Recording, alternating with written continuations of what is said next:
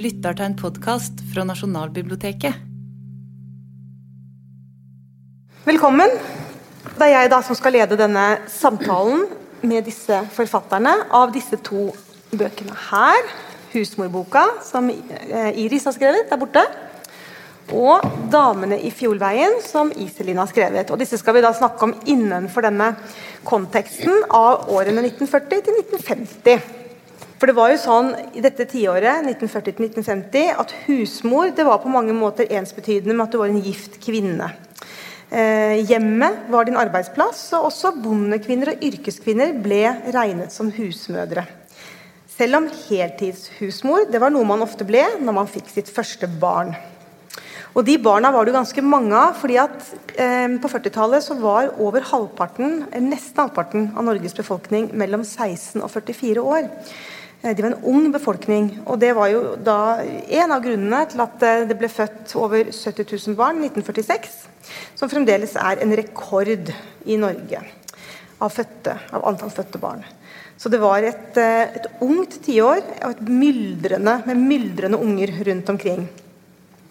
Som på tross av dette så var det jo en tid hvor kvinner, eh, som da var husmødre, var ganske aleine om husarbeidet og barneomsorgen. Hushjelpene var på vei ut. Eldre slektninger hadde ikke lenger den eh, samme rollen eh, med å bidra sine, i sine barn og barnebarns liv. Og det var nesten ikke barnehager. Og de som var, var det vanskelig å få plass til. Elektrisk strøm og innlagt vann manglet fremdeles på bygdene, og i Nord-Norge og i byer var det bolignød. Så det var jo et samfunn litt annerledes enn vårt, da. Um, det var også et tiår hvor vi fikk barnetrygd, syketrygd, ferielov, sjømannstrygd og arbeidsledighetstrygd. Likhetene ble utjevna pga. krigen, delvis pga. krigen. Så dette er liksom konteksten vi opererer innenfor. Eh, og nå skal vi begynne å snakke om eh, disse damene våre som levde da. Så jeg tenkte jeg skulle begynne med å spørre dere begge to om bøkene deres. altså Dere kan presentere bøkene deres og si litt om hvor dere kommer fra når dere har nærmet dere husmoren som, eh, som interessefelt. Så hvis du Iselin først, som har den nyeste boka, kan si litt om hvem disse damene i Fiolveien var, som du skriver om. Ja. Eh, denne boken om damene i Fjordveien springer ut av eh, noen protokoller som er bevart etter Simensbråten kvinneforening i Oslo. Eh, de fleste medlemmene i denne foreningen var husmødre. Eh, de samlet seg, eh, gikk sammen i 1915 med ett stort mål for øye, og det var å bygge et forsamlingshus. Og dette forsamlingshuset, i Fjolveien, derav tittelen, sto klart i 1927. Og det ble et felles hjem kan man si, for nabolaget, og ikke minst for disse husmødrene selv. Eh, eh, så det og I dette huset så var det både da, det var Simensbråten kvinneforening som bygget og drev det helt frem til 1988, eh, da det ble solgt og revet.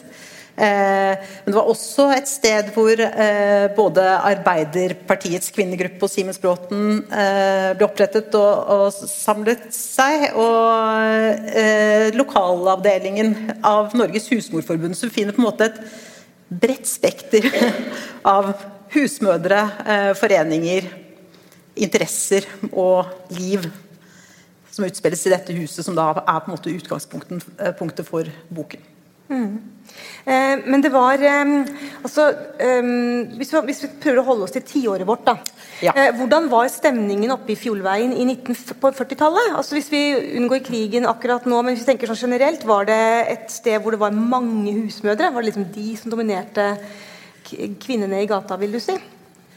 Ja, kan jeg få lov til å gå litt tilbake i tid? Bitte litt, bare for er, å si litt om bakgrunnen. Helt lov, ja. At dette akkurat eh, nå, nå, er vi inne i lokalhistorien. Simensbråten eh, var da en del av Aker og ble en del av Oslo etter hvert.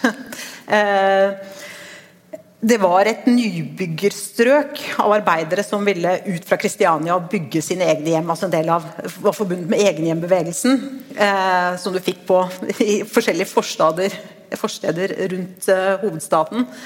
Og i disse stedene så, så, var det en forutsetning for dagliglivet at kvinnene var hjemme og var husmødre. Altså det var, Mennene fikk lang reisevei, og kvinnene holdt hverdagen i gang. Så det var et eh, husmorsamfunn. Eh, vesentlig bestående av kvinner da, fra eh, arbeiderfamilier. Mm. Og Sånn var det også på 40-tallet. Men var det sånn, altså Hadde de strøm, hadde de vann? Altså, de holdt jo til utenfor Oslo sentrum da, eh, ja. den gangen. Hvordan var liksom, Hvor tungt var hverdagen?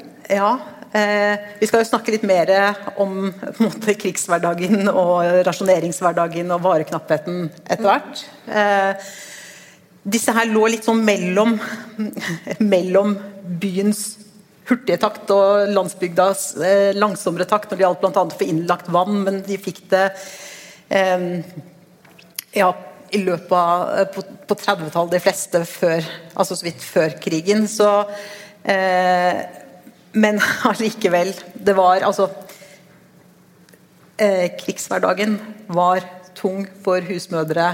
Mm rundt omkring i Norge. Men det skal vi kanskje Det skal vi komme innom. Eh, det skal vi.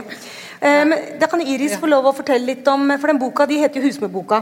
Mm. Uh, og det er jo ikke tilfeldig valgt tittel, tipper jeg, for den tar jo opp en arv, uh, så vidt meg bekjent. En litt sånn rampete måte å peke tilbake på de gamle husmorbøkene på. For mitt prosjekt er at jeg har eh, gravd i alle de uinteressante bøkene på loppemarkeder og gått på antikvariater og gått i mine bestemødres bokhyller og sånt, og funnet all den gamle husmorlitteraturen som disse damene måtte forholde seg til i sin yrkeshverdag. Da. For jeg eh, skulle egentlig skrive en litt sånn kulturhistorie om husarbeid, litt sånn mer overordnet. Eh, og så begynte jeg å lese, det var veldig gøy, sånn århundreskiftet begynte å lese sånne instrukser for tjenestepiker fra 1912 og sånn. Um, det er ikke noe farlig med strøm, det er akkurat som en høykasse. Ikke noe sånn, Man starter med det man vet, og så innfører man stadig nye ting.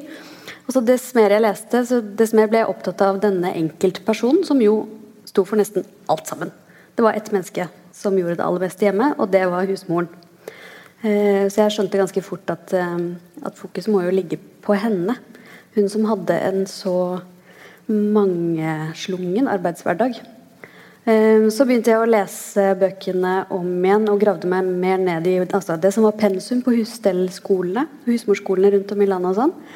Um, arbeidsinstruksene til husmorvikarene, en annen viktig ting som kom rett etter krigen. Um, for å se på hva det var de egentlig gjorde. Da. Så Jeg, skrev en sånn, jeg skriver i innledningen at det er en norgeshistorie som er sett over kanten av vaskebøtta. Mm. Um, for hva var det de egentlig holdt på med hele dagen? Mens hele resten av familien var ute i verden for å nyte og, og yte. Og hun var hjemme og, og sørget for andres omsorg. Da. Det var på en måte hennes suksesskriterium i jobben. Og det er jo en veldig interessant og helt umulig rolle å ha. Uh, så slo det meg da jeg begynte å se litt på tall og gange opp, og sånn at, uh, at forkle var jo den vanligste arbeidsuniformen i Norge. Og kjøkkenet var jo i ganske mange tiår landets største arbeidsplass. Mm. I 19... Hvordan er dette? I 1950 så var 55% av norske kvinner over 15 år kategorisert som husmødre. Mm. Sånn, det å være gift var i praksis å være husmor. Og gjemt i den statistikken som du sa, så var jo de altså fiskekonene f.eks. i Nord-Norge. De som hadde ansvar for slakt og dyrestell og sånn på gårder.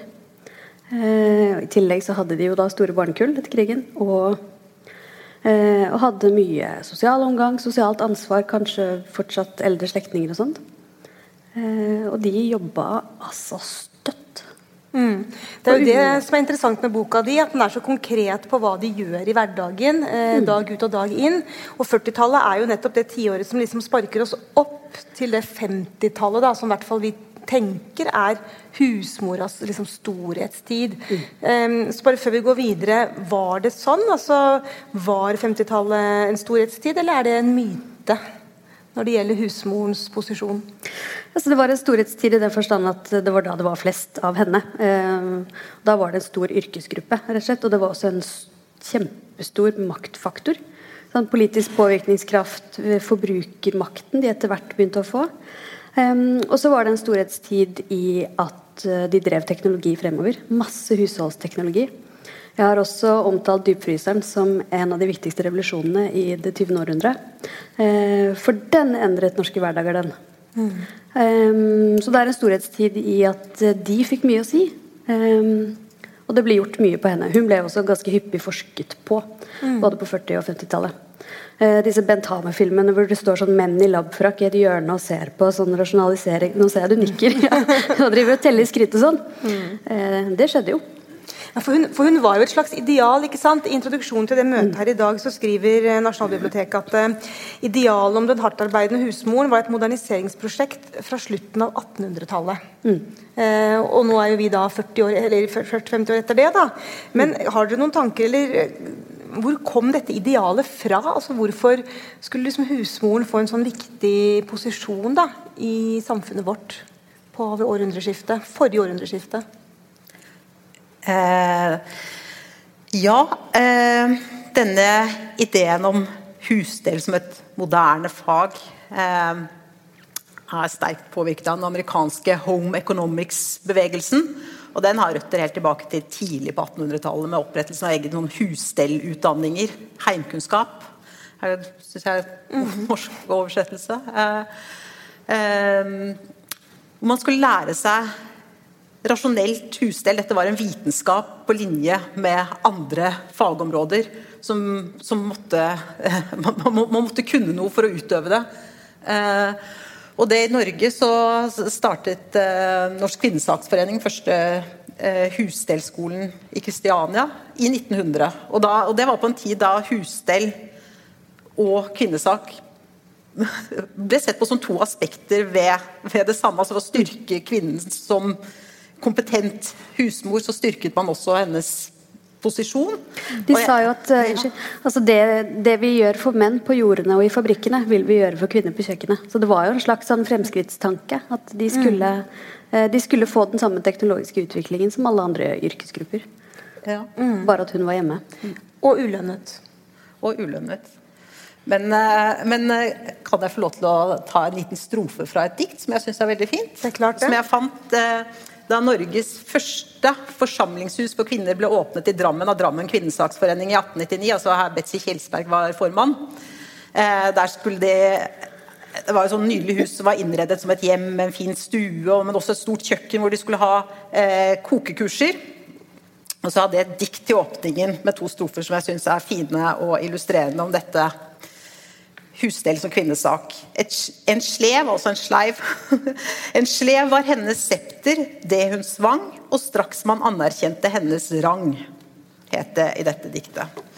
Og, ja. Men, men på tross av dette her, da, på tross av at det ble sett på som vitenskap, man skulle løfte henne frem, og Iris, du sier jo, du, du kaller det en yrkesgruppe, ikke sant? Bare for å ta opp det med, men Var det noen gang noen tanke om at hun skulle få lønn for strevet, eller, eller var det hvor, hvor, kom det inn, da, hvis man skulle bygge opp denne til å bli en posisjon?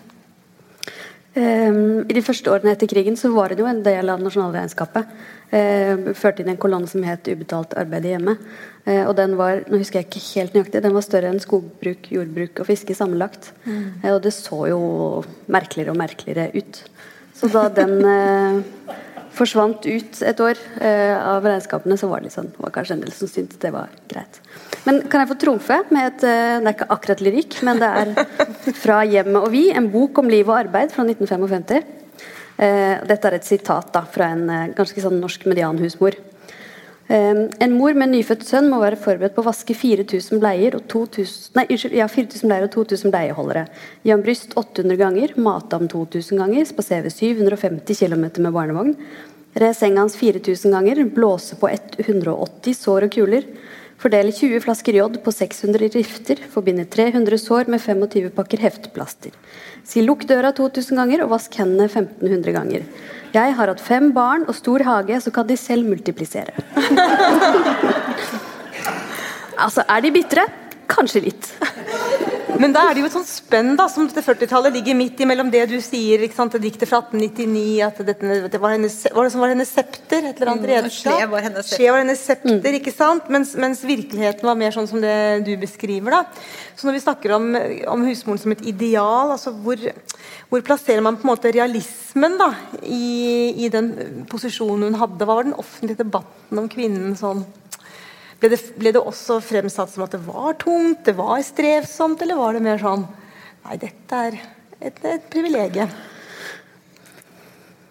Eh, Noe, ja, noe av poenget med eh, Vi skal vel snart til 40-tallet, men noe av poenget med hele denne home economics-bevegelsen den slo igjennom for fullt etter første verdenskrig. Og siden vi nå skal til andre verdenskrig, så kan vi kanskje si så vidt noe om den første. At den første verdenskrigen er ganske skjellsettende fordi den opphevet på en vis skillet mellom det Eller dette eh, hva skal man si, laget mellom det private og det offentlige. Det private ble på et vis offentlig. hva eh, husmoren eh, foretok seg i den private husholdningen, var av interesse for nasjonen og for eh, hvor ressursene ble fordelt. Altså ressurser som, eh, som eh, ble krevet i krigføringen.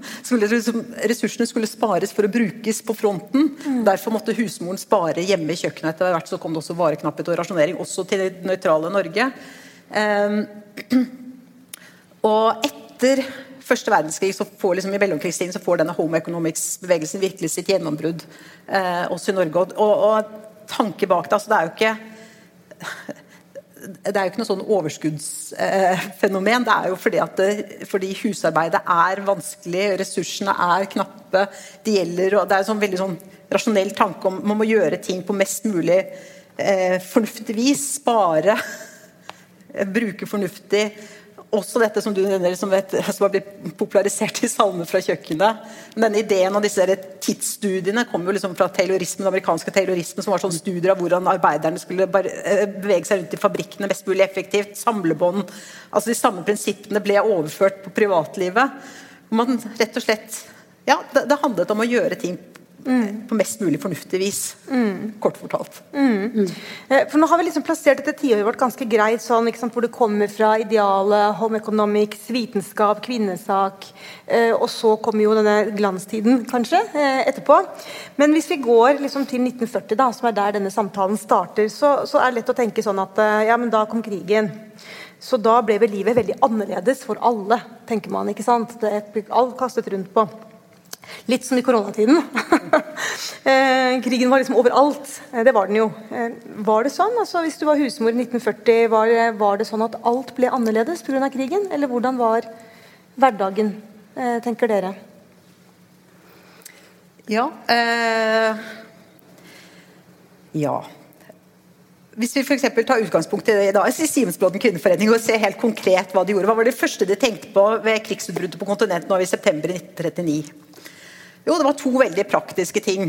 Det første var de skrev til rasjoneringsnemnda i Aker kommune og tilbød dem å låne huset i Fjordveien gratis for å bruke det som rasjoneringssentral. Og det andre de gjorde var at de skrev til Elektrisitetsverkets kjøkkenskonsulent, øh, frøken Skreiner, og inviterte henne opp til Fjordveien for å komme og holde foredrag om hermetisering og sylting av frukt og grønnsaker. Hun har skrevet noen nydelige bøker. Ja, ja, ja. Så, ja, så dette her eh, Det tenker jeg at det også Noen av disse var jo gamle nok til at de også hadde vært husmødre under den første verdenskrigen. De husket hvordan de var, de visste hva som skjedde, eller kunne se for seg hva som skjedde med vareknapphet, rasjonering. De hadde liksom dette her ganske present. Eh, og så hadde de også en sosial på en måte, en sånn sosial tanke som mange av disse kvinneforeningene og husmorforeningene drev med. De drev jo også samfunnsbyggende eh, virksomhet på veldig mange forskjellige områder. Eh, og da var det også flere andre av kvinneforeningene i Norge som hadde begynt å forberede seg på krigen på ulike vis etter hvert som, eh, altså som krigen brøt ut på kontinentet. Altså Lotteforbundet hadde i lang tid drevet og pakket enkeltmannspakker. Eh, altså De hadde pakket noe sånt som 70 000 enkeltmannspakker for førstehjelp eh, allerede i 1939. Og så engasjerte flere av kvinneforeningene til å hjelpe dem med dette. her, og sånn som Også Simensbråten kvinneforening opprettet sin egen sanitetsforening som møttes hver onsdag mellom ti og to, og da satt de og strikket og sydde til Røde Kors og Saniteten og forskjellig sånn. Og eh, eh, ja, så, så mange av disse forskjellige kvinneforeningene, Husmorforeningen, Arbeiderpartiets kvinnebevegelse, de, de var allerede de var sosialt engasjert, de var samfunnsengasjert, de drev med forskjellig veldedig arbeid. Eh, engasjert i helse, førstehjelp. Det startet også disse kvinnene på Simensbråten med. Et førstehjelpskurs som de så vidt rakk å sette i gang før krigen startet. Altså, de var så de, de, fikk nesten, altså de fikk på et sett og vis mer å gjøre da. for Ikke bare skulle de holde livet i gang hjemme, men nå skulle de også bidra på sin måte i, eh, krig, altså i krigen. Eller? Ja, men det hadde jo mange av disse foreningene gjort i forskjellige på måter, altså forskjellig vis eh, i lengre tid. Forskjellig veldedig eh, arbeid, samfunnsinnsats. Men ja. Så de måtte vente den der hvor det var nødvendig. Altså jeg synes Det er veldig interessant å se når jeg leser i de referatene som, eh, fra Fjolveien, hvor, hvor, konkret de også går til verks. Det er litt ja. sånn uten sammenligning for øvrig, men når min mor får beskjed om at hun får et nytt barnebarn, så sier hun sånn Da må jeg strikke. Det er på en måte sånn De har en sånn veldig konkret innsats, for de vet hva som skal gjøres. Og ja. da krigen kom ut i Europa de begynte å nærme seg Norge, de kjente at liksom, nå begynner det å brenne under beina her. Det at de strikket opp til reservetroppene, f.eks. De drev og rullet sånne små sterile eh, kompresser. Fire, ja, de, 400 kompresser de hadde referatført. At ja, nå ligger det klart. Ja, det var opptelling. De lagde 414. Eh, ikke sant? Og de begynner å sette grønn... Det var jo vår. Mm. Gudskjelov. Mm. Eh, så de setter grønnsaker i disse hagene sine med en gang. De skaffer seg villagris. Mm. Det skjønner at det går ikke, men de skaffer seg kanin i stedet. Altså, de har en, sånn der, mm. en eller annen konkret måte å gå til verks på som jeg syns er veldig beundringsverdig. De setter seg ikke ned og syter bare fordi vi har blitt okkupert. Noen må jo drive dette landet. Jeg fikk jeg veldig sånn eh, Det er beundringsverdig å se hvor, hvor på en måte i de små, små bevegelsene du ser at her er det damer som virkelig står på, altså. Mm. Ja. Jeg tenker at jeg hadde en veldig konkret tilnærming, sånn praktisk tilnærming til krisen. Men det var, ikke, det var det, det er kanskje et vanskelig spørsmål, men jeg tenkte på det når jeg satt og forberedte meg, at eh, de her lever jo også som alle andre i et naziregime. ikke sant? De lever under Josef Terboven, og de lever under okkupasjon, og de lever under sensur osv. Eh, og disse nazistene var jo, de var jo glad i husmora ikke sant? i sin ideologi. ikke sant? Det var hjemmet, og det var kvinnen og familie og sånn som var viktig i nazi-ideologien. da. Eh, var det noe forsøk på å utnytte den norske husmora? på en måte? Altså Andre yrkesgrupper ble jo på ulike måter brukt og misbrukt, hadde nær sagt. men Fikk, kunne hun få en uheldig rolle da, i, eh, i det nye statsapparatet, eller er det helt nå har vi forskjellige tidsepoker. Denne første innsatsen vi har om, det var mens organisasjonslivet fortsatt var fritt, delvis også før eh, tyske invasjonen, eller tyske overfallet. Eh, og så må vi si at liksom, Hvis vi kan begynne litt bredt, da, ideen om hjemmet liksom, var jo viktig for også i krigspropagandaen for begge de stridende partene. Liksom dette løftet på vis om det gode hjem som skulle komme etter krigen. Eh, og, og, husmoren er den sentrale skikkelsen i hjemmet. Så er det klart dette er mange nyanser og liksom mye også som går over eh, vanlige skillelinjer. Men det konkrete spørsmålet om hva eh, NS-regimet i Norge mm -hmm. forsøkte på de, NS hadde jo sin egen kvinneorganisasjon som bl.a. var veldig på Norges husmorforbund og presset på dem for å få dem til å ta inn eh, foredragsholdere fra NS.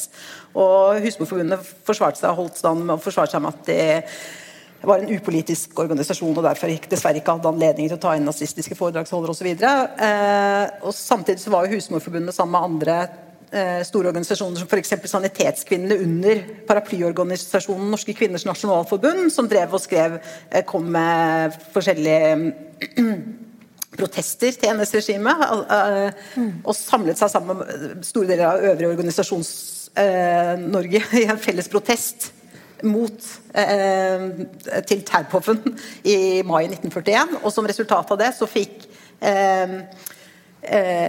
eh, eh, eh, Norsk Kvinners Nasjonalråd forsøkt innsatt en, eller ble nazifisert. og Da la styret ned sine verv, fikk organisasjonen til å smuldre opp. Husmorforbundet gjorde det samme. Eh, ga medlem beskjed om å la, rett og slett, la organisasjonen smuldre opp for å unngå at den ble tatt over mm. av nazistene og brukt til deres eh, til deres eh, formål.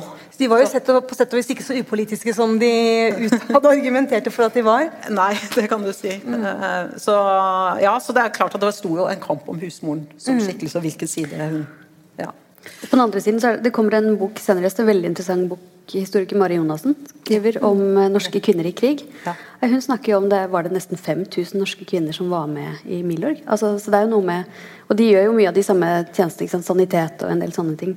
Som, eh, som er ganske interessant å se. Og hun har intervjuet henne om hva som skjedde da freden kom. Sånn, overgangen krig-fred. Og da sa de sånn Nei.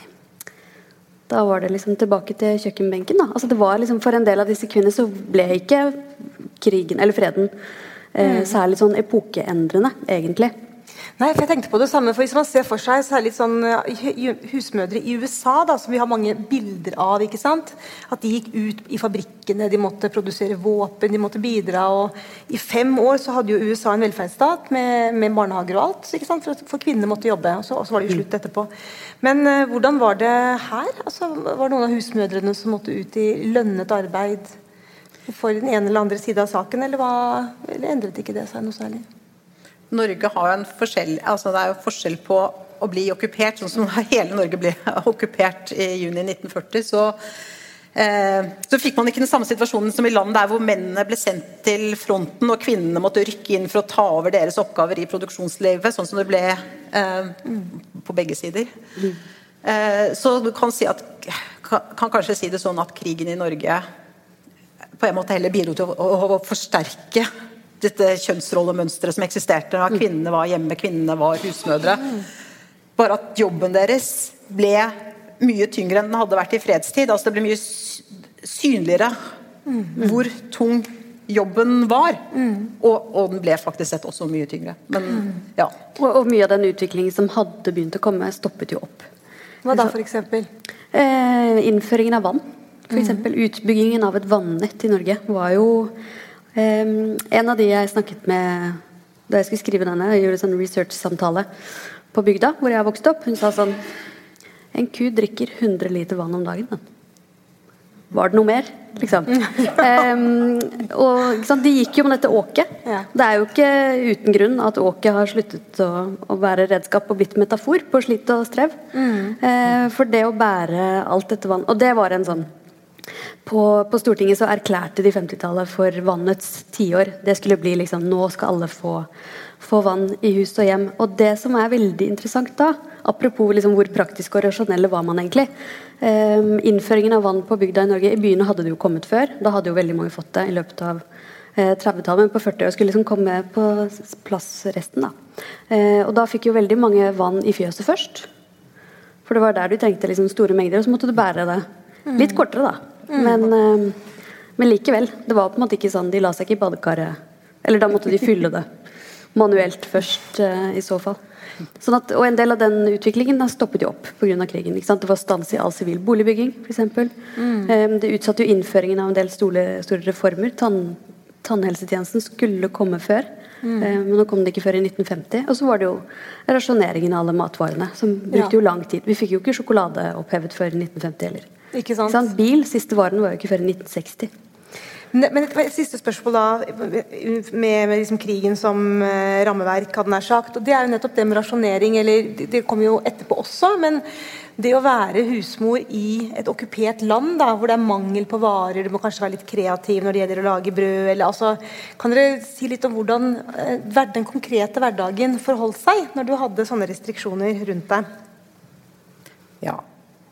Eh, rasjonering, Av og til så tenker jeg at man snakker om rasjonering som om rasjonering var problemet, men det var det jo ikke. Rasjonering var jo en løsning eh, på et vareknapphetsproblem, på et ressursproblem. Som det var en måte å prøve å fordele knappe ressurser på mest mulig sosialt rettferdig. Eh, og vi fikk rasjonering altså ved krigsutbruddet av varer som ble typiske importvarer som kaffe og sukker, og så hvetemel i løpet av 1940, og så eh, kjøtt og melk og egg 1941, grønnsaker, poteter 1942, og til slutt i 1943 fisk, som hadde vært den siste frie kilden til protein, og derfor var veldig eh, et ømt punkt. Eh, og rasjonene, De offentlige rasjonene i seg selv i 1943 de dekket ikke kaloribehovet til noen over syv år i Norge. Så det var hvis man fikk tak i det man faktisk hadde rasjoneringskort til. Eh, og I tillegg så var det et problem å få tak i. Selv om du hadde et rasjoneringskort, så var ikke det noen garanti for at du fikk kjøpt de varene som var på det. Så mye av husmødrenes hverdag, og da særlig byen vi har snakket litt bitte litt i hvert fall forskjell by og land, var at husmødrene sto Det er mange kilder som forteller om det, hvordan husmødre sto i kø halve dagen, og så visste de jo ikke engang om de fikk kjøpt det de hadde kort til når de kom frem til kassen, eller om det var utsolgt. Eh, og den Ja. Eh, og så i tillegg så var det også surrogater og sånne ting som, som var det, det, var kort sagt et meget tungt arbeid å skulle prøve å lage spiselige og tilstrekkelige mm. måltider av de ressursene en husmor fikk eh, tak i. Har du smakt den surrogatkaffen? Nei. Nei. Det har jeg ikke. Jeg har smakt vafler laget på torskerogn. Mm. og det var eh, Jeg fikk hjelp Jeg jobbet i sin tid på Statens institutt for forbruksforskning, hvor det fortsatt var noen av disse eh, virkelig flinke husstellerinnene som hjalp meg med å lage en krigsoppskrift jeg fant der, med vafler. Eh, med, da, altså Poenget var jo å erstatte f.eks. hvetemel altså importvare med lokale råvarer. Så en måte å gjøre det på var å erstatte med torskerogn, og da luktet det tran på hele instituttet, men det smakte, det smakte godt. Hvis man klype, klype på. ja. Det er jo en annen ting i de referatene. Dess, dess taprere de skriver sånn Krisekaffe er like godt! Så, så, nå gjør du det bare for å holde motet opp. Det virker litt sånn eh, Det er jo et veldig gledesutbrudd eh, i Fjordveien når, når freden omsider eh. Når det er andre, andre ting enn mat som, som det liksom ble For eksempel, jeg leste noen ting som var, altså ting som var ulovlig, eksempel, radio var ikke lov. ikke sant? Gummistøvler måtte man gi fra seg. Altså, det var jo liksom masse andre ting i hverdagen òg som kunne gjøre det vanskeligere å få det til å fungere. Blendingsgardinene. Mm. Ja, for eksempel. Veldig sånn praktisk. Ja. Ja. Er det noe mer du kan si om det? Altså Den praktiske hverdagen, husarbeidet under okkupasjon? Nei, og det er jo litt det som er det interessante med husmorens arbeid. At det skal jo gjøres uansett. Mm. Vinduene blir skitne selv om det er okkupasjon. Det er mye av det som hun ble pålagt å gjøre, og påla seg selv, ikke minst. Eh, som skulle gjøres åkke som, da. Mm. Eh, så sånn sett så kan du si at hennes hverdag ble jo veldig eh, det var ytre faktorer som gjorde at det ble veldig grepet inn i den. Mm. Men hun hadde jo fortsatt de samme oppgavene. Ja. Mann og barn skulle jo fortsatt ha matpakker og ut i verden og, mm. og sånt. Eh, og noe fremskritt kom det jo, men hun jobber jo veldig på det konkrete, i det nære. Og det er jo veldig sånn at selv under krigen så var det på en måte Selv om det er lodderognvafler, så er det jo noe med at arbeidet syntes jo best når det ikke ble gjort. Mm. Sånn så rene vinduer og fulle eh, skap og, og tørre oppvaskbenker og sånt er det er mye vanskeligere å se da, og skryte ja. av. Mm. Men du skriver Islind, Iselin, i din bok at eh, på tross av dette arbeidet som må gjøres og ikke synes før det ikke blir gjort, eh, så ble husmoren når, krig, når freden kom, da fikk hun endelig anerkjennelse. Mm. Fra, fra, hvem fikk hun den anerkjennelsen, og hvor, hvorfor det? Det var Hjemmefrontens ledelse som åpnet ballet den 15. Mm. mai 1945 og anerkjenne husmoren for den innsatsen hun hadde gjort. Eh, som en eh, og her kan vi kanskje også eh, litt, lese fra Martin Tramel, hva han sier. Eh, altså Hjemmefrontens ledelse anerkjente husmoren. Eh, våre kvinner som modig og trofast holdt hjemmene oppe for deres eh, bidrag til eh, frihetskampen. Og Så fulgte Martin Tramel opp i Arbeiderbladet dagen etter, 16. mai, og skrev Husmødrene holdt hjemmene og dermed den store felles fronten samlet. De vakte ikke nettopp oppmerksomhet uten i de store matkøene der de kunne stå da, natt som dag, vinter som sommer. Det var ikke noe dramatisk i dette som ble gjenstand for spesiell beundring eller anerkjennelse. Men når en nå ser tingene i sammenheng, vil man forstå hvilken grunnleggende betydning kvinnenes holdning var. Ofte, ja, som oftest er det enkle det store. Og også Høyres eh, nestleder Herman Smith Ingebrigtsen eh, anerkjente kvinnene for deres bidrag til motstandskampen. altså som Så på husarbeid en, som en form for eh, en viktig form for motstand, og skrev bl.a. at liksom, hvert sting kvinnene, husmødrene hadde sydd, som hadde lappet bukser, var virkelig, i virkeligheten et ja til livet. og Til liksom, viljen til å holde ut. Så det jo, dette her var jo ganske unikt, at husmoren ble, ble så synlig og så anerkjent for sitt eh, arbeid på liksom over hele det politiske spekteret etter krigens slutt. Mm. Men det var i det var de store ord. Realiteten, det praktiske, var jo noe litt annet. Ikke sant. Eh, jeg tenkte vi skulle ta opp tråden, og hvis vi nå beveger oss ut av krigsårene, da Vi kan jo alltids hoppe tilbake hvis dere kommer på noe, men sånn, vi prøver å holde kronologisk eh, rekkefølge her. For du sa, Iris, at eh, kjønnsrollene eh, ble, ble sementert også sant, i forkant av 40-årene. Men etter krigen, det står i programskriften til dag, at i etterkrigstida ble disse kjønnsrollene sementert. Med store barnekull ble byggingen av et sosialdemokratisk Norge en kjønnsdelt affære. Så man kom jo ut av krigen jo med litt anerkjennelse, tunge hverdager, men likevel så på tross av kvinnekamp, da, som har pågått en mm. generasjon, mm. så er det veldig kjønnsdelt i etterkrigstida. Mm. Hvordan kan du si litt om disse to kjønnsrollene som Norge har å by på da? Ja, det er jo igjen både små og store bevegelser parallelt som påvirker husmorens både si, rolle og arbeidshverdag. I de helt store så har de jo skattesystemet, som gjør at um, man ikke tjener noe mer hvis Eller i praksis ikke tjener noe mer hvis begge to er i arbeid. Um, og forsørgerfradraget er så stort at veldig mange familier um, har det best med at én er hjemme. Og da er det selvfølgelig den som er lavest betalt. Det er naturlig at det er hjemme, og det er selvfølgelig kvinnene. Uh, og så har du andre deler, f.eks. Uh, noe så håndfast som utviklingen av kjøkkeninnredningen. Som endrer seg ganske etter krigen. For da har igjen terrorismen og Home Economics og nye Frankfurt-kjøkken og sånt, en del av de ganske sånn moderne idealene fra mellomkrigstiden tas opp i f.eks. USB eller Omos sine utviklinger av nye kjøkkener når boligbyggingen starter igjen for fullt. Um, og da ble det omtalt som i sånne bygningsutstillinger sånn, som husmorens laboratorium. Mm. Uh, hvor hun, og det er for så vidt en anerkjennelse i det. Hun er en fagarbeider. Uh, hun har en arbeidsplass. Den skal utvikles, den skal optimaliseres.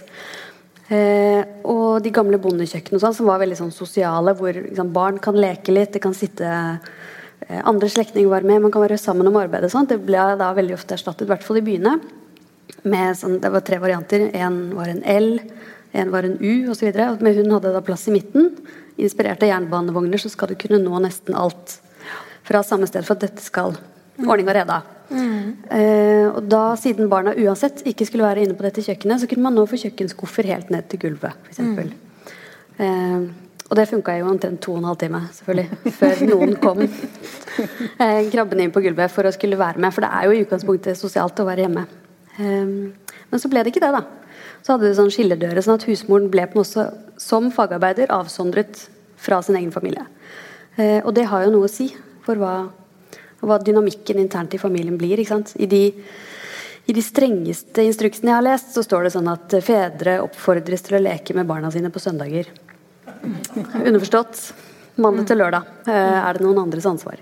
Og selvfølgelig fordi han var på jobb, men det har jo Alt har jo noe å si. Mm. Um, og så var det selvfølgelig ikke sånn at alle familier oppfylte til punkt og prikke det som står i disse manualene. Jeg håper i hvert fall ikke det. Uh, for det var så overveldende mye. Men Um, men det har noe å si for hva som forventes. da. Mm. Hva er det som ligger i luften? Men dette var jo også et Norge i lenge før urbaniseringen som vi ser i dag. Så mange bodde jo på landet. Mm. Uh, når vi snakker om husmora og den tida der og kjønnsrollemønstre og sånn, var det forskjell på by og land å være husmor på en gård og en bygård? Ja. Og en del av de igjen da, de jeg har snakket med som, som spør om jeg vet hvor mye en ku drikker og sånn, de uh, sier sånn Å ja. ja Måtte bo ned en treroms på Lambertseter, ja. Det må ha vært tungt. Eh, ikke sant? For igjen, hvis du er fiskekone i Lofoten og mannen er borte tre måneder, da eh, Du har jo kyr òg, og det må jo tas. ikke sant? Og du, de hadde jo i tillegg de samme kravene. Eh, så det jeg har oppfattet, fall det kan hende du eh, er uenig, eh, at det, det, ble sett på som litt sånn eh, små pitlete, det man holdt på med eh, i byen. Mm. Eh, og de hadde jo gjerne mye eldre hus ikke sant, som ikke var tilrettelagt for dette arbeidet i det hele tatt. Og en del av instruksene gikk jo på sånn eh, Teakmøblene kom jo for fullt på, mot slutten av 40-tallet. Og så De var jo gjerne oljet eh, eller lakket. Og så skulle man jo til med langkosten Jeg vet ikke om dere ser dette på kamera nå, men når man driver og vasker litt hyppig nede på sånne teakmøbler, så blir det litt grått. Og det sprekker litt i lakken og sånn. Eh, og da kom man opp med en løsning da, som selvfølgelig var at man har et sånn lite messingstykke nederst her. Ja. Eh, og det skulle være tidsbesparende. Hører dere de som ler nå? For de vet hva jeg skal si nå. Etter ca. 14 dager så må den pusses. Sånn at man har ikke spart jobb. Man har bare byttet ut en oppgave med en annen. Um, og det var nok en sånn følelse av at uansett hva man bidro med, så var det ikke nok. Mm. Så, så, forskjellen på by og land var i stor grad hvil, var hvilke tunge løfteoppgaver og hvor mye manuelt arbeid måtte tas, og når fikk man innføringen av teknologien. Det som var til felles for dem, var at uansett hvor mye de jobbet, og uansett hvor mye de håndterte, så kom det bare stadig nye krav. Mm. Enten pålagt eller selvpålagt. Når Blenda reklamerte med at det er så vidt at det er hvitt nok for naboen, så får man jo også en litt sånn knugende ja. eh, Det var ikke bare hjelp å få heller. Ja. Det er mitt inntrykk, da. I hvert fall av det jeg har eh, brakt på veie. Ja. Men, ja, men når vi fortsatt er på 40-tallet, på slutten av 40-tallet, så er det også ganske Sier med å bære 100 liter vann. Eh, byhusmødrene bar også ganske mye, og de gikk faktisk i demonstrasjonstog. 10 000 husmødre gikk i demonstrasjonstog i Oslo i 1948 opp til Stortinget under parolen vi har båret våre, lange, eh, våre armer lange under krigen, nå vil vi ikke mer. Og Det de protesterte mot, var en sånn der, innsparinger i melkefordelingen i Oslo, så det skulle bli færre melke, melkebutikker. Og husmødrene var eh, Å være husmor i by eh, under krigen og etter krigen, eh, mens rasjoneringsordningene fortsatte, som du også snakket om, altså, eh, helt frem til eh, ja, bilen i 1960, men mye, eh, i hvert fall frem til 1950, så var det, det var tungt arbeid. og Hele ideen om gjenreisningen handler jo først og fremst om gjenreisning av produksjon og infrastruktur. og Det som måtte vente nok en gang, var forbruket. Mm. Og I tillegg så var det mye som var kjønnet også i forbruket. altså Det handler også om hva man brukte knappe valutaressurser på å kjøpe inn til, eh, til, fra utlandet. altså husmød, Husmødre og kvinnelige politikere eh, klaget, eh, forståelig nok, vil jeg kunne si, eller kunne, stilte spørsmål med hvorfor man importerte whisky, men ikke symaskiner for Norges eh, valutaressurser. Mm. Eller man kunne se altså, forskjeller på at det ble importert herreundertøy, men ikke dame- og jenteundertøy. Mm. I 1947 så eh, ble det jo satt ned en komité mm. eh, som skulle vurdere behovet for import av vaskemaskiner i Norge. Ja. Og de konkluderte med at det nasjonale behovet for vaskemaskiner i Norge var 750. Ja. Da tenker jeg også litt sånn Jaha. Ja. Hva skal resten? Og da var det jo en del felles vaskerom, og det var fortsatt i bryggkjelen og sånn. Eh, utrolig tungt arbeid. Mm. Eh, og det med melkebæring og sånn, det er veldig morsomt, for det er så synlig i din bok. Det der med å gå på butikken, hvor ofte man gikk på butikken. Sånn, selv etter køene og sånt var over, så var det jo fordi mange brukte tid på å få innført både kjøleskap og dypfryser, f.eks. Mm. Så ville man gjerne handle hver dag. Fordi at butikkene hadde bedre kjølekapasitet og varene holdt lenger. Og sånn. Mm. Og det tok jo utrolig mye tid. Ja. Eller det beslagla mye av husmors ja. tid. Da. Ja. Og det ser de jo at uh, dess, uh, dess, bedre utbygd kooperativsystemene og sånt blir, så, så, er det fortsatt mye jobb som faller på husmora. fordi at der sparer man. Man sparer på kjøleskap. Mm. Og det beslaglegger hennes tid, for da må hun bruke tiden på å handle. Det er noen sånne Det er utvikling. Det er også ikke. Liksom sementering også. Mm. Altså, hun gjør det jo uansett. så Hva skal man med disse vaskemaskinene når vi har husmora? Ja. um, men, eh, men, jeg tenker på hva slags status hadde altså Hun gjorde jo viktig arbeid, det forstår vi nå. Hun var med i gjenoppbyggingen til krigen og sånn. Men hva slags status hadde hun egentlig? Altså, dette var jo også en epoke hvor de første, hvor andre kvinner begynte å utdanne seg. De første studielånsordningene hadde så vidt begynt å komme, f.eks. Så det, det begynte å bli mulig å ta utdannelse, og noen kvinner gjorde jo det og valgte andre ting. Hvordan, eh, hvordan sto disse gruppene opp mot hverandre, eller sto de opp mot hverandre? eller Går det an å si noe om det? Eh, ja, det, det, skjedde nok eh, i stor grad senere enn på 40-tallet. fordi her er det virkelig sånn eh, Hun var svær, da. Hun mm. var klippen. Hun var mange. Hun var navet i samfunnshjulet, som det mm. står i en av de gamle husmorbøkene. Mm. mm. Hun var den som sto og sørget for at alt annet gikk rundt. Mm. Så hun var helt sentral, ja. Mm. Tenker du det samme? Ja, jeg tenker det. Altså at dette her eh, ja, skillet som du snakker om, det kommer, kommer litt kommer senere. Det, det, er liksom mm. utenfor mm. vårt men, men, det som er litt vanskelig, er å rekonstruere det. fordi at vi har jo vokst opp med sånn Bare ordet husmor er jo ensbetydende med på et eller annet sånn vis litt bakstreversk og litt sånn avleggs og gammeldags og noe vi har jobbet oss forbi. Og? Sånn at um, Den dagen det var over for husmoren, den dagen det vippet til hennes disfavør, så var det liksom så veldig over. da. Mm. Og Det er nesten vanskelig å tenke seg tilbake til en tid hvor, hvor det å være gift kvinne var ensbetydende med å, med å hete Jeg syns liksom begge deres bøker bidrar da, til, i den liksom, historieforståelsen eh, og viktigheten av hvem hun var, og alt hun gjorde. Ikke sant? Og at det har kommet ganske seint. Altså, begge bøkene deres er nye. Hvorfor har det tatt så lang tid å anerkjenne alt det hun gjorde? Eh, nå er det jo eh, andre som har skrevet om husmødrene tidligere, og bl.a. Eh, Gro Hagemann. altså Flere mm. norske historikere har jo også skrevet. Så det er jo ikke eh, Så vi kan ikke Vi kan ikke ta all æren. Vi kan dessverre ikke ta æren for å ha funnet det opp. Eh, du går inn i en god tradisjon, vil jeg si. men, men det jeg tenker, er at det fortsatt ikke er helt proporsjonalt. Mm. Eller ikke, interessen og oppmerksomheten og synligheten av husmoren som historisk eh, aktør er jo ikke proporsjonal med hvor mange kvinner som dette faktisk angikk. Hvor, mm. hvor, mange de var, og hvor mye de drev med. Og hvor viktige de var. Ganga opp så er det vel omtrent én million norske kvinner mm. som har hatt den yrkestittelen. Det er ikke sant. Men jeg tenkte på at det, det, er andre som har skrevet om det før, men likevel så er det liksom stadig nye generasjoner, da, eller nye lesere, som blir overrasket over eh, hva, hvor mange hun var, eh, og hva alt hun gjorde. Og Det er jo interessant at vi fremdeles driver og liksom understreker det, da. Alvoret i hennes viktighet.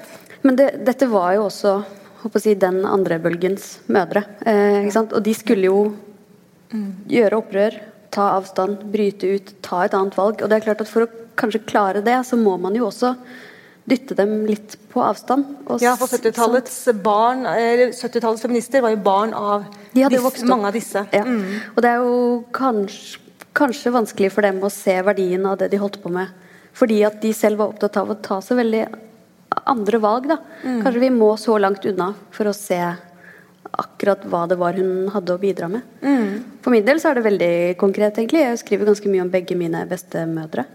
Som en av dem lever fortsatt. Eh, og nå er det litt siste sjanse, da. Mm. Det er nå vi må intervjue disse damene om hva det egentlig var de gjorde.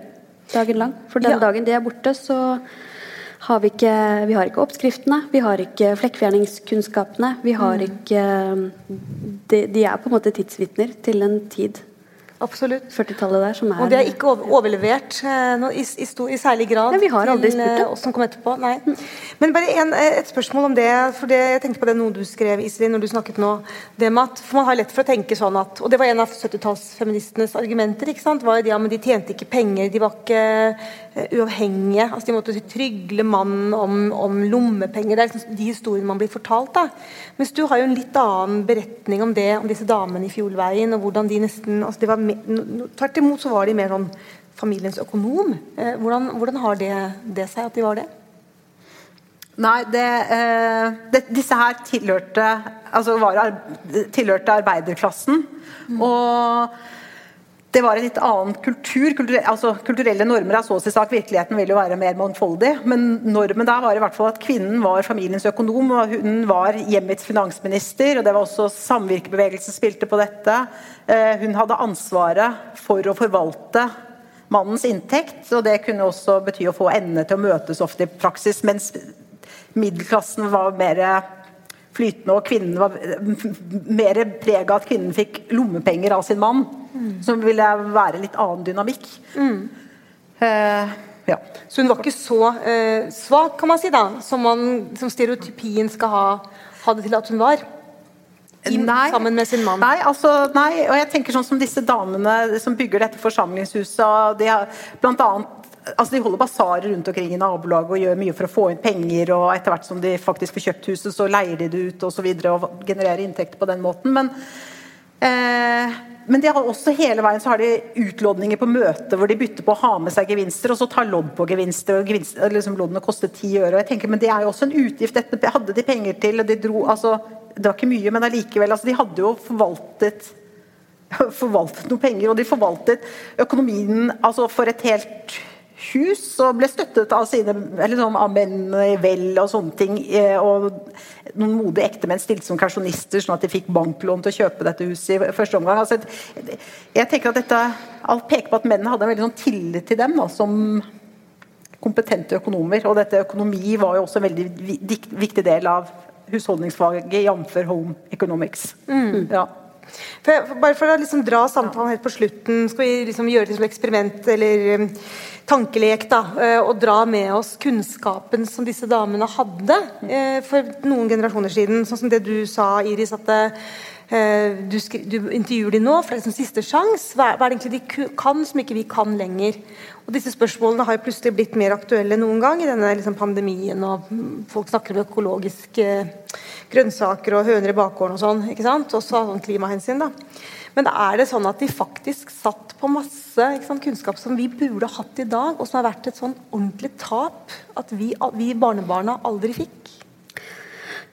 Altså, Én ting er jo det konkrete igjen. Jeg er jo en sucker for konkreter. Um? Lufting og bløtlegging og safting. Det var mange ting de kunne som vi ikke kan.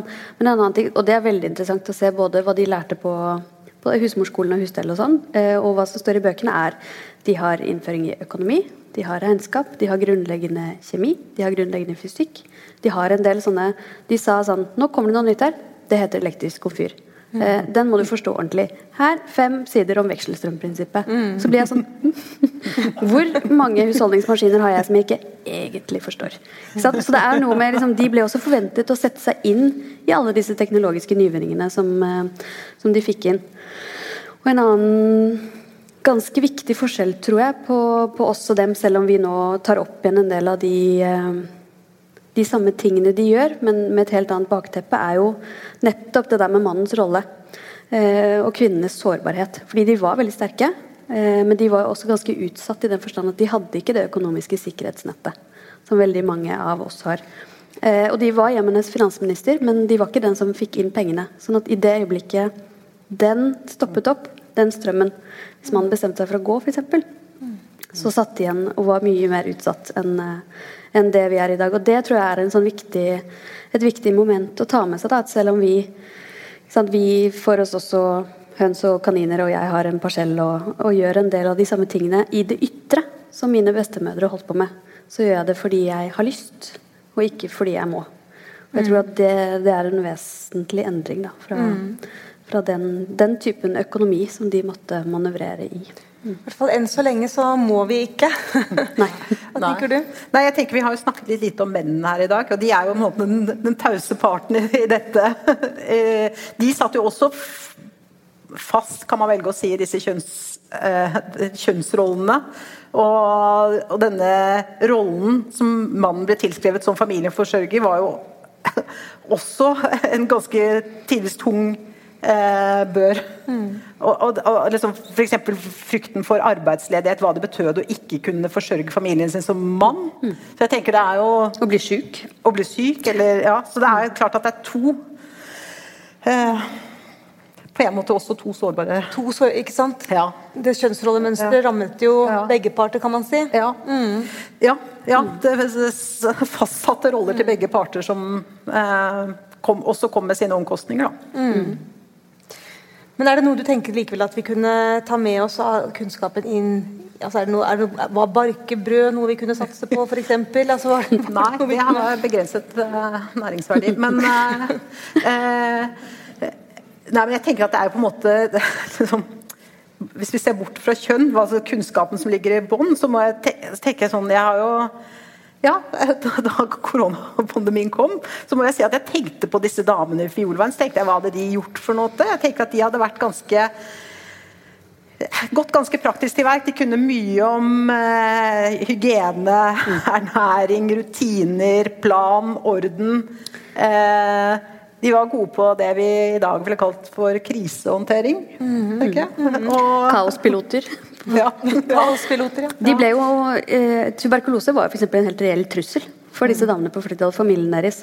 Og jeg levde lenge den virfarelse at skyllevann var jo til for å skylle bort såpe. Det, det var det ikke. Det var jo for å sterilisere. Fordi den, verste, den skumleste fienden er den du ikke ser, fikk de beskjed om. Og det klang veldig i bakhodet mitt da denne pandemien traff. At de kan se de ser sånne smittekilder, og de har en kunnskap om hvordan, eh, hvordan ting skal håndteres for å dempe og flate ut den kurven og sånt. Som, mm. som det viser seg at mange gjerne kunne lært litt mer av. Men kan man si, hvis vi skal runde av samtalen, nærmer vi oss eh, slutten, ser jeg. Hvis vi skal runde av samtalen, og, og så tenker man liksom sånn, i en ideell eh, verden i dag, da, hvis man skal følge den norske familiepolitikken, den offentlige vedtatte familiepolitikken, så er det at man skal kunne kombinere lønnet og ulønnet arbeid. Eh, ikke sant? På en, mer, på en som balansert vis. da. Eh, Så tenker jeg at men vi, vi driver jo fremdeles og anerkjenner det lønnede arbeidet mer enn det ulønnede. Eh, Der er vi, de er jo ikke likestilt, de to. Men kan på en måte respekten for våre formødre og deres arbeid heve litt av statusen på det ulønnede arbeidet kanskje i dag også? Jeg har vel tenkt mer på 40-tallet enn på i dag, foran i dag. Eh, Det jeg er opptatt av, er å vise hva, hva kvinner har gjort i forskjellige typer roller. Og mange av dem var utenfor det lønnede arbeidslivet, men de gjorde også en samfunnsinnsats der. Og eh, altså en viktig jobb der. Så det er vel eh, der eh, ja. Det er en påminnelse, i hvert fall. Der, er- at det er der arbeid pågår, er der arbeid pågår selv om det ikke blir betalt. Mm. Ja. Jeg tror eh, vi skal huske hvor mye de bidro med, både i sitt eget hjem, men også i, i Ja. lokalsamfunnet. De var en eh, bidragsyter til. All den mikrosolidariteten som foregikk i form av åresalg til ti øre stykk. Eh, det vi ikke skal romantisere, er hva husmora gjorde for noe. Sant? Det å ligge på divanen og ha kaffeslabberas og uvettig omgang med radio og en del sånne, sånne skremselsbilder som man fikk etter krigen. Eh, det var ikke det. Det var beinhardt arbeid hele tiden. Eh, og selv om hun ble hyllet, så, så var det også ganske utakknemlig ganske mye av tiden.